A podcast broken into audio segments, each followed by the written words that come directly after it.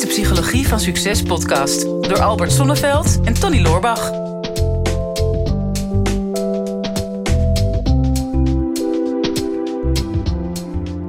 We mogen weer. Fantastisch. Ehm, ja, Tony, ja, ik heb toch wel een. Ik, wij krijgen altijd vragen, maar ik wil aan jou ook wel eens een keer een vraag stellen. Want oh ik denk, God, nou ja, is helemaal off-script dit. ja, ik weet het, maar ja, daar doen we het ook allemaal voor. Uiteindelijk is het om, uh, om te inspireren. En het, ik vind het zelf ook altijd heerlijk om geïnspireerd te worden. Dus hier komt die. Wat was jouw belangrijkste inzicht van de afgelopen week? Van de afgelopen week? Oh jezus, ja, ik ben, uh, ben net terug uh, uit de States. Ja. ja, mijn belangrijkste inzicht. Uh, nou, afgezien van, van alle business inzichten die ik gehad heb, was het belangrijkste inzicht toch wel hoe hoe extreem belangrijk je lichaam uh, voor je is. Nou vind ik hmm. sowieso gezondheid heel erg belangrijk. Dat is zeker de afgelopen jaren daar veel en veel meer uh, mee gaan doen. Maar uh, ja, in, op vakantie een, een klein, klein voedselvergiftigingetje op opgelopen. Ja. En, en het is echt niet normaal op het moment dat je gewoon iets verkeerds in je lichaam stopt wat voor processen er dan allemaal geactiveerd worden. En wat voor enorme weerslag dat heeft op dat je niet meer kan sporten. Je, bent, je bent niet meer vrolijk. Je kan niet meer met je business bezig zijn. Je kan dit niet meer, je kan dat niet meer.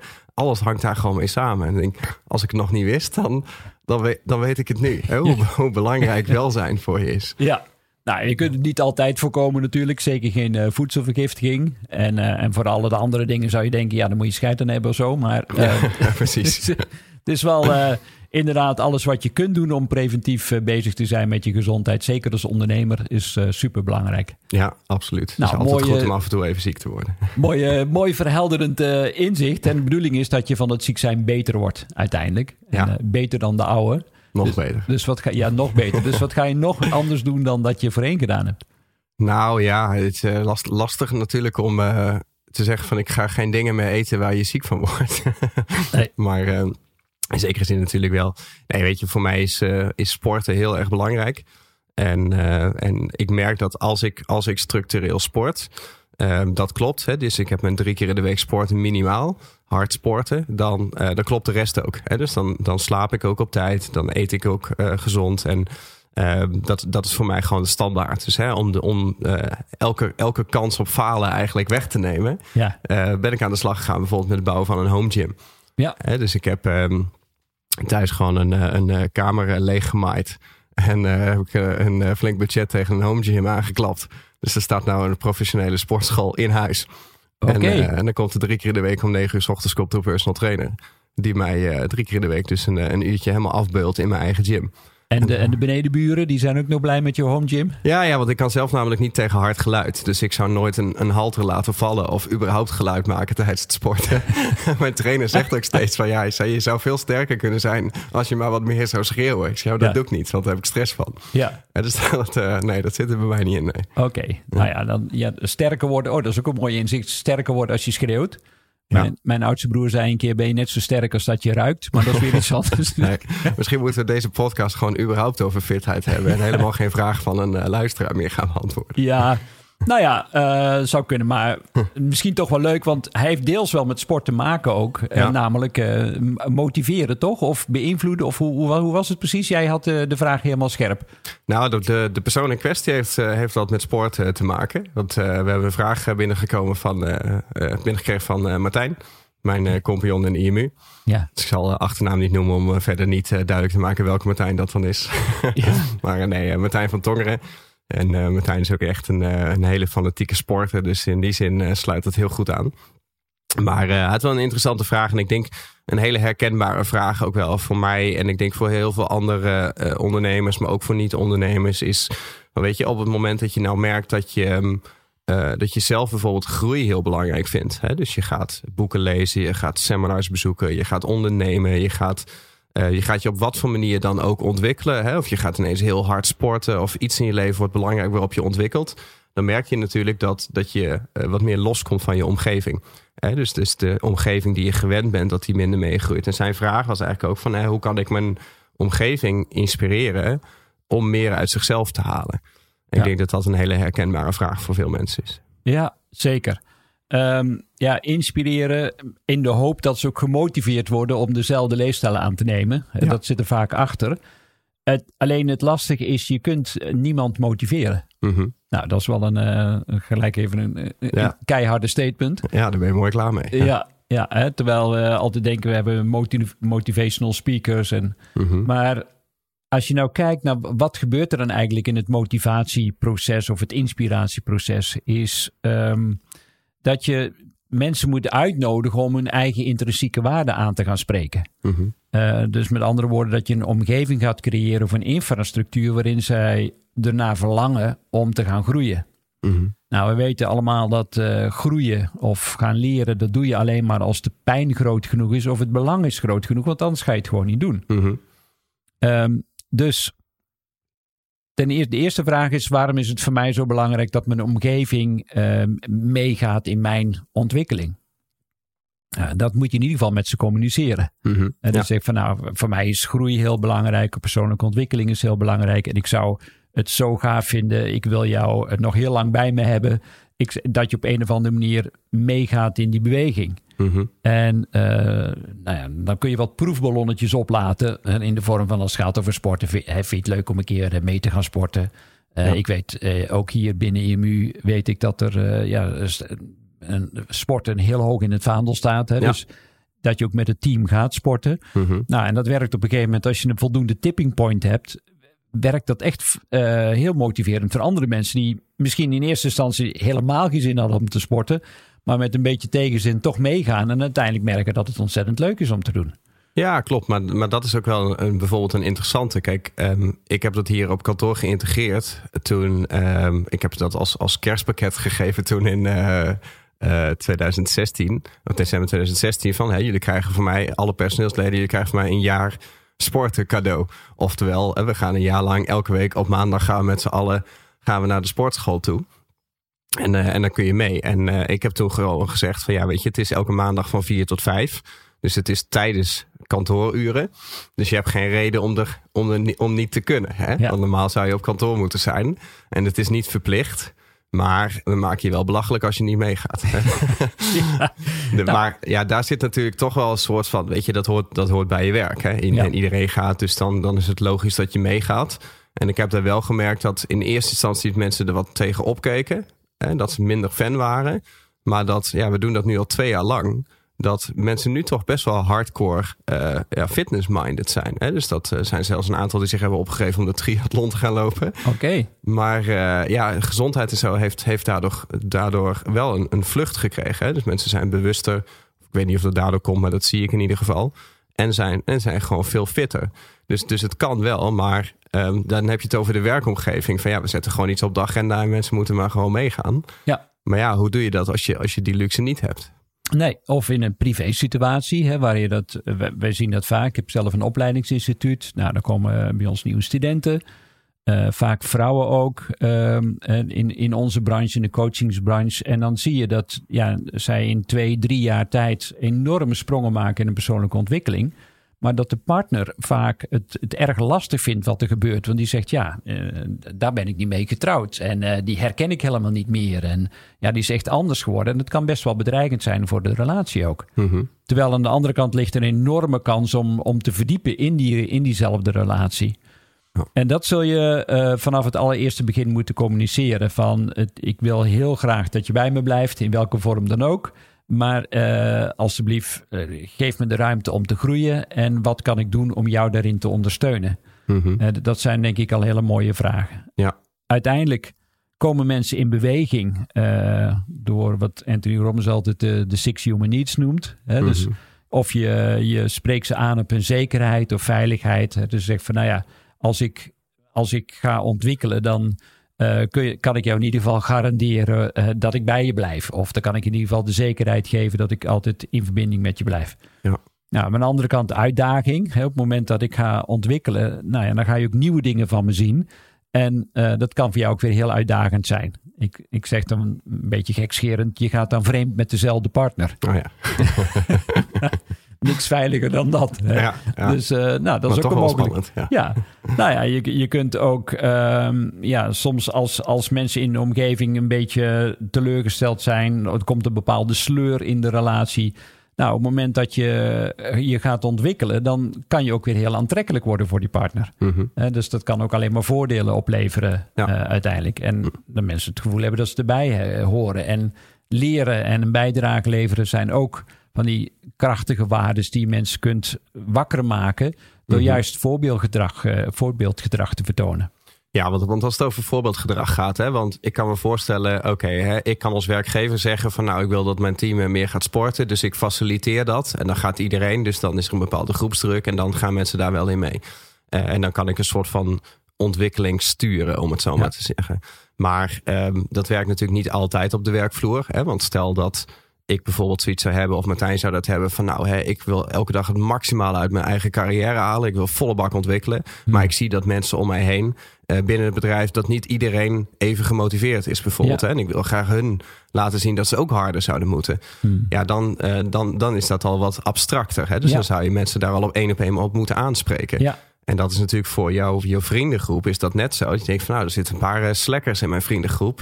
Die nemen hun werk allemaal niet zo serieus. Hun carrière, hun ontwikkeling, hun uh, liefdesrelatie, hun gezondheid.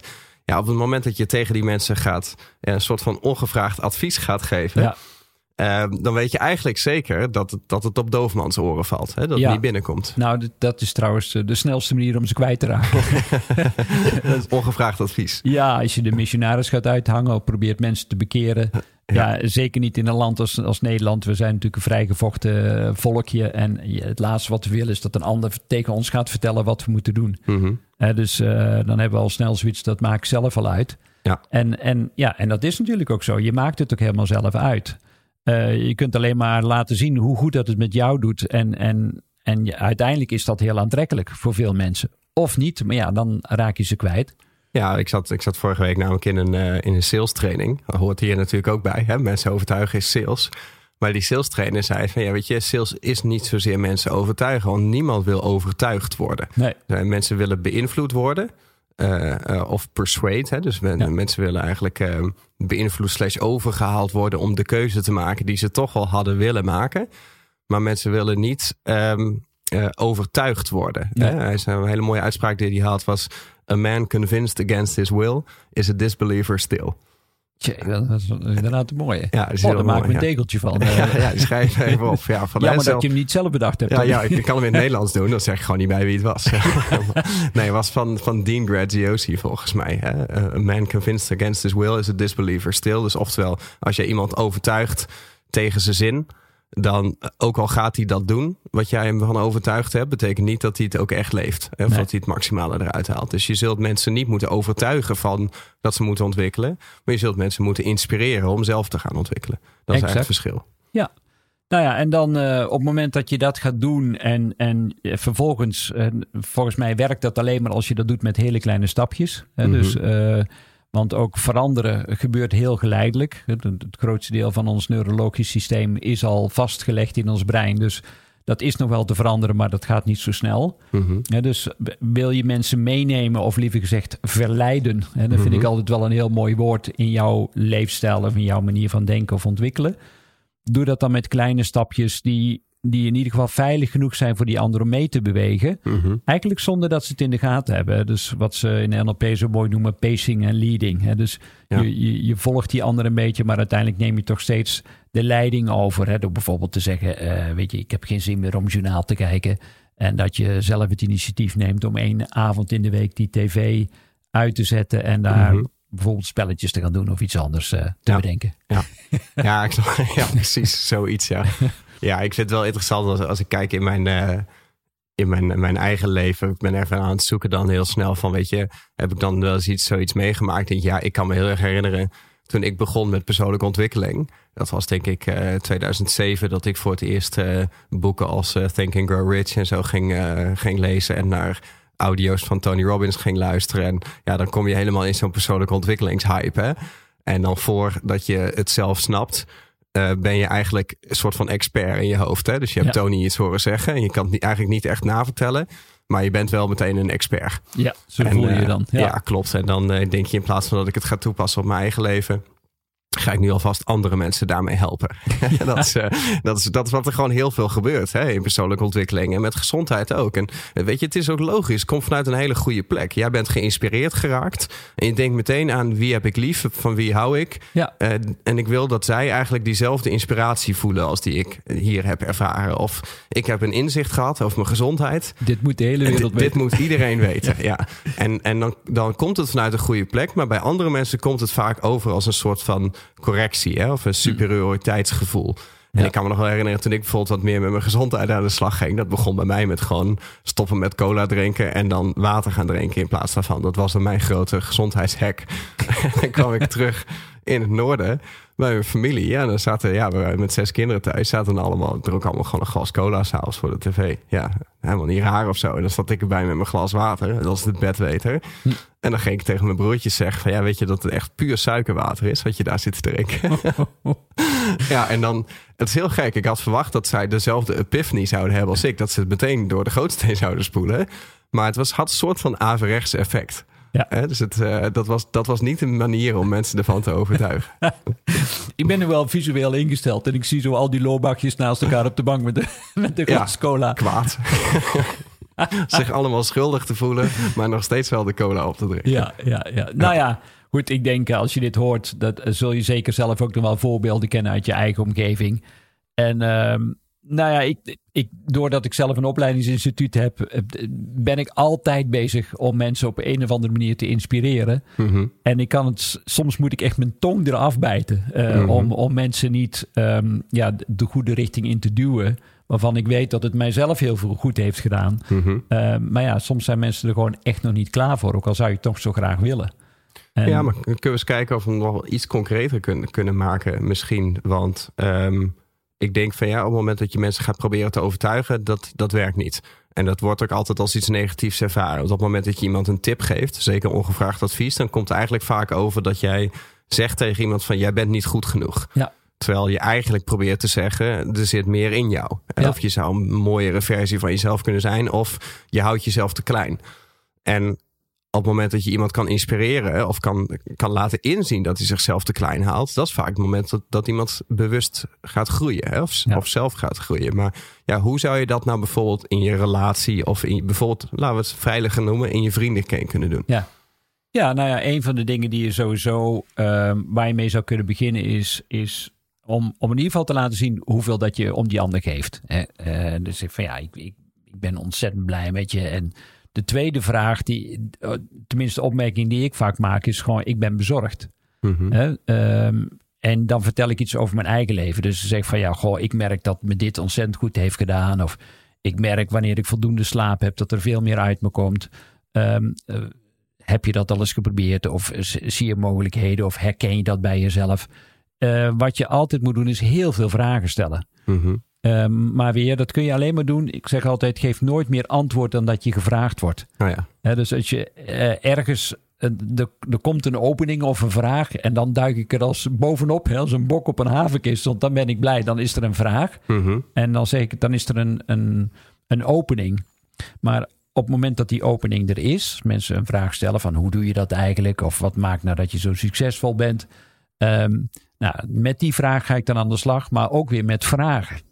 Mhm. Dus dan stel ik bijvoorbeeld van, goh, waarom, wat betekent succes eigenlijk voor jou? En waarom, is, waarom zou het voor jou belangrijk zijn? En wat mis je daar nog in? En vind je het goed als ik daar iets over vertel? Mhm. Of mag ik je meenemen in mijn succesverhaal? Nou, op het moment dat je dat soort vragen stelt en steeds meer vragen stelt, dan wordt het voor iemand ook veilig om daarin mee te gaan. Want die kan ieder moment op het moment dat je een vraag stelt, kan die ook weer afhaken of het afstoppen en zeggen van nou dat weet ik niet of daar heb ik nu geen zin in of dat is me nu te veel. En dan weet je oké nu is het de tijd om weer even te stoppen met mm inspireren. Ja, dus mensen inspireren is simpelweg vragen stellen. Ja, ja, ja. ja, want, dan, want dan stimuleer je de nieuwsgierigheid bij een ander. Ja, en dan laat je het ook uit de ander zelf komen. Ja, ja, Want, want, groei begint altijd met, met de mate van zelfreflectie die iemand wil hebben. Hè? Sommige mensen kunnen het niet, willen het niet of durven het niet hè, naar zichzelf te kijken. Maar op het moment dat je vragen stelt, dan weet je waar ergens in dat gebied die openingen zitten. Mhm. Ja, en ik denk dat de meeste mensen toch graag in ieder geval de illusie willen hebben dat ze iets zelf besloten hebben. Ja. Dus op het moment dat jij tegen iemand zegt van, nou, jij zou best eens wat meer kunnen gaan sporten. Zelfs als ze het van plan waren of het ermee eens waren, is er een grote kans dat ze dat dan een langere tijd niet meer gaan doen. Nee, omdat ze niet de illusie willen werken dat jij dat voor ze besloten ja, hebt. Exact. maar als je inderdaad uh, wat vragen stelt over, uh, over iemands uh, fysieke gesteldheid of, of wat dan ook. En uh, je geeft je eigen voorbeeld. Ja. Van ik heb gemerkt dat als ik ga sporten, of als ik dit eet, of als ik dat niet doe, of als ik eerder ga slapen, dat ik veel meer energie heb. Dan inspireer je iemand om zelf uiteindelijk die, uh, die stappen te gaan zetten. Ja, nou, ik denk dat die heel mooi uh, samengevat is op die manier, Tony. Vond het heel inspirerend trouwens. Ja, dankjewel. ja. Zou nou, ik ook wat vaker moeten ja, doen. Ja, doe er iets mee. nou, dan gaan we daarmee afronden. Dankjewel, okay, Albert. Dankjewel. Dit is de Psychologie van Succes podcast door Albert Sonneveld en Tony Loorbach. Ja, beste luisteraars, dat was hem alweer voor vandaag. Weer een aflevering voorbij van uh, de Psychologie van Succes. Ik hoop dat je het waardevol hebt gevonden en um, wat je ons dat ook zou willen laten weten.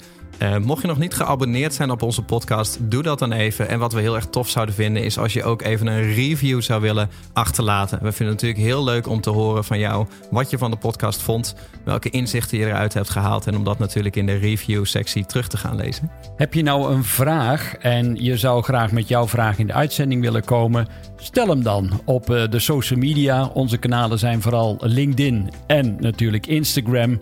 De beste vragen pakken we eruit en grote kans dat je dan terugkomt in deze podcast.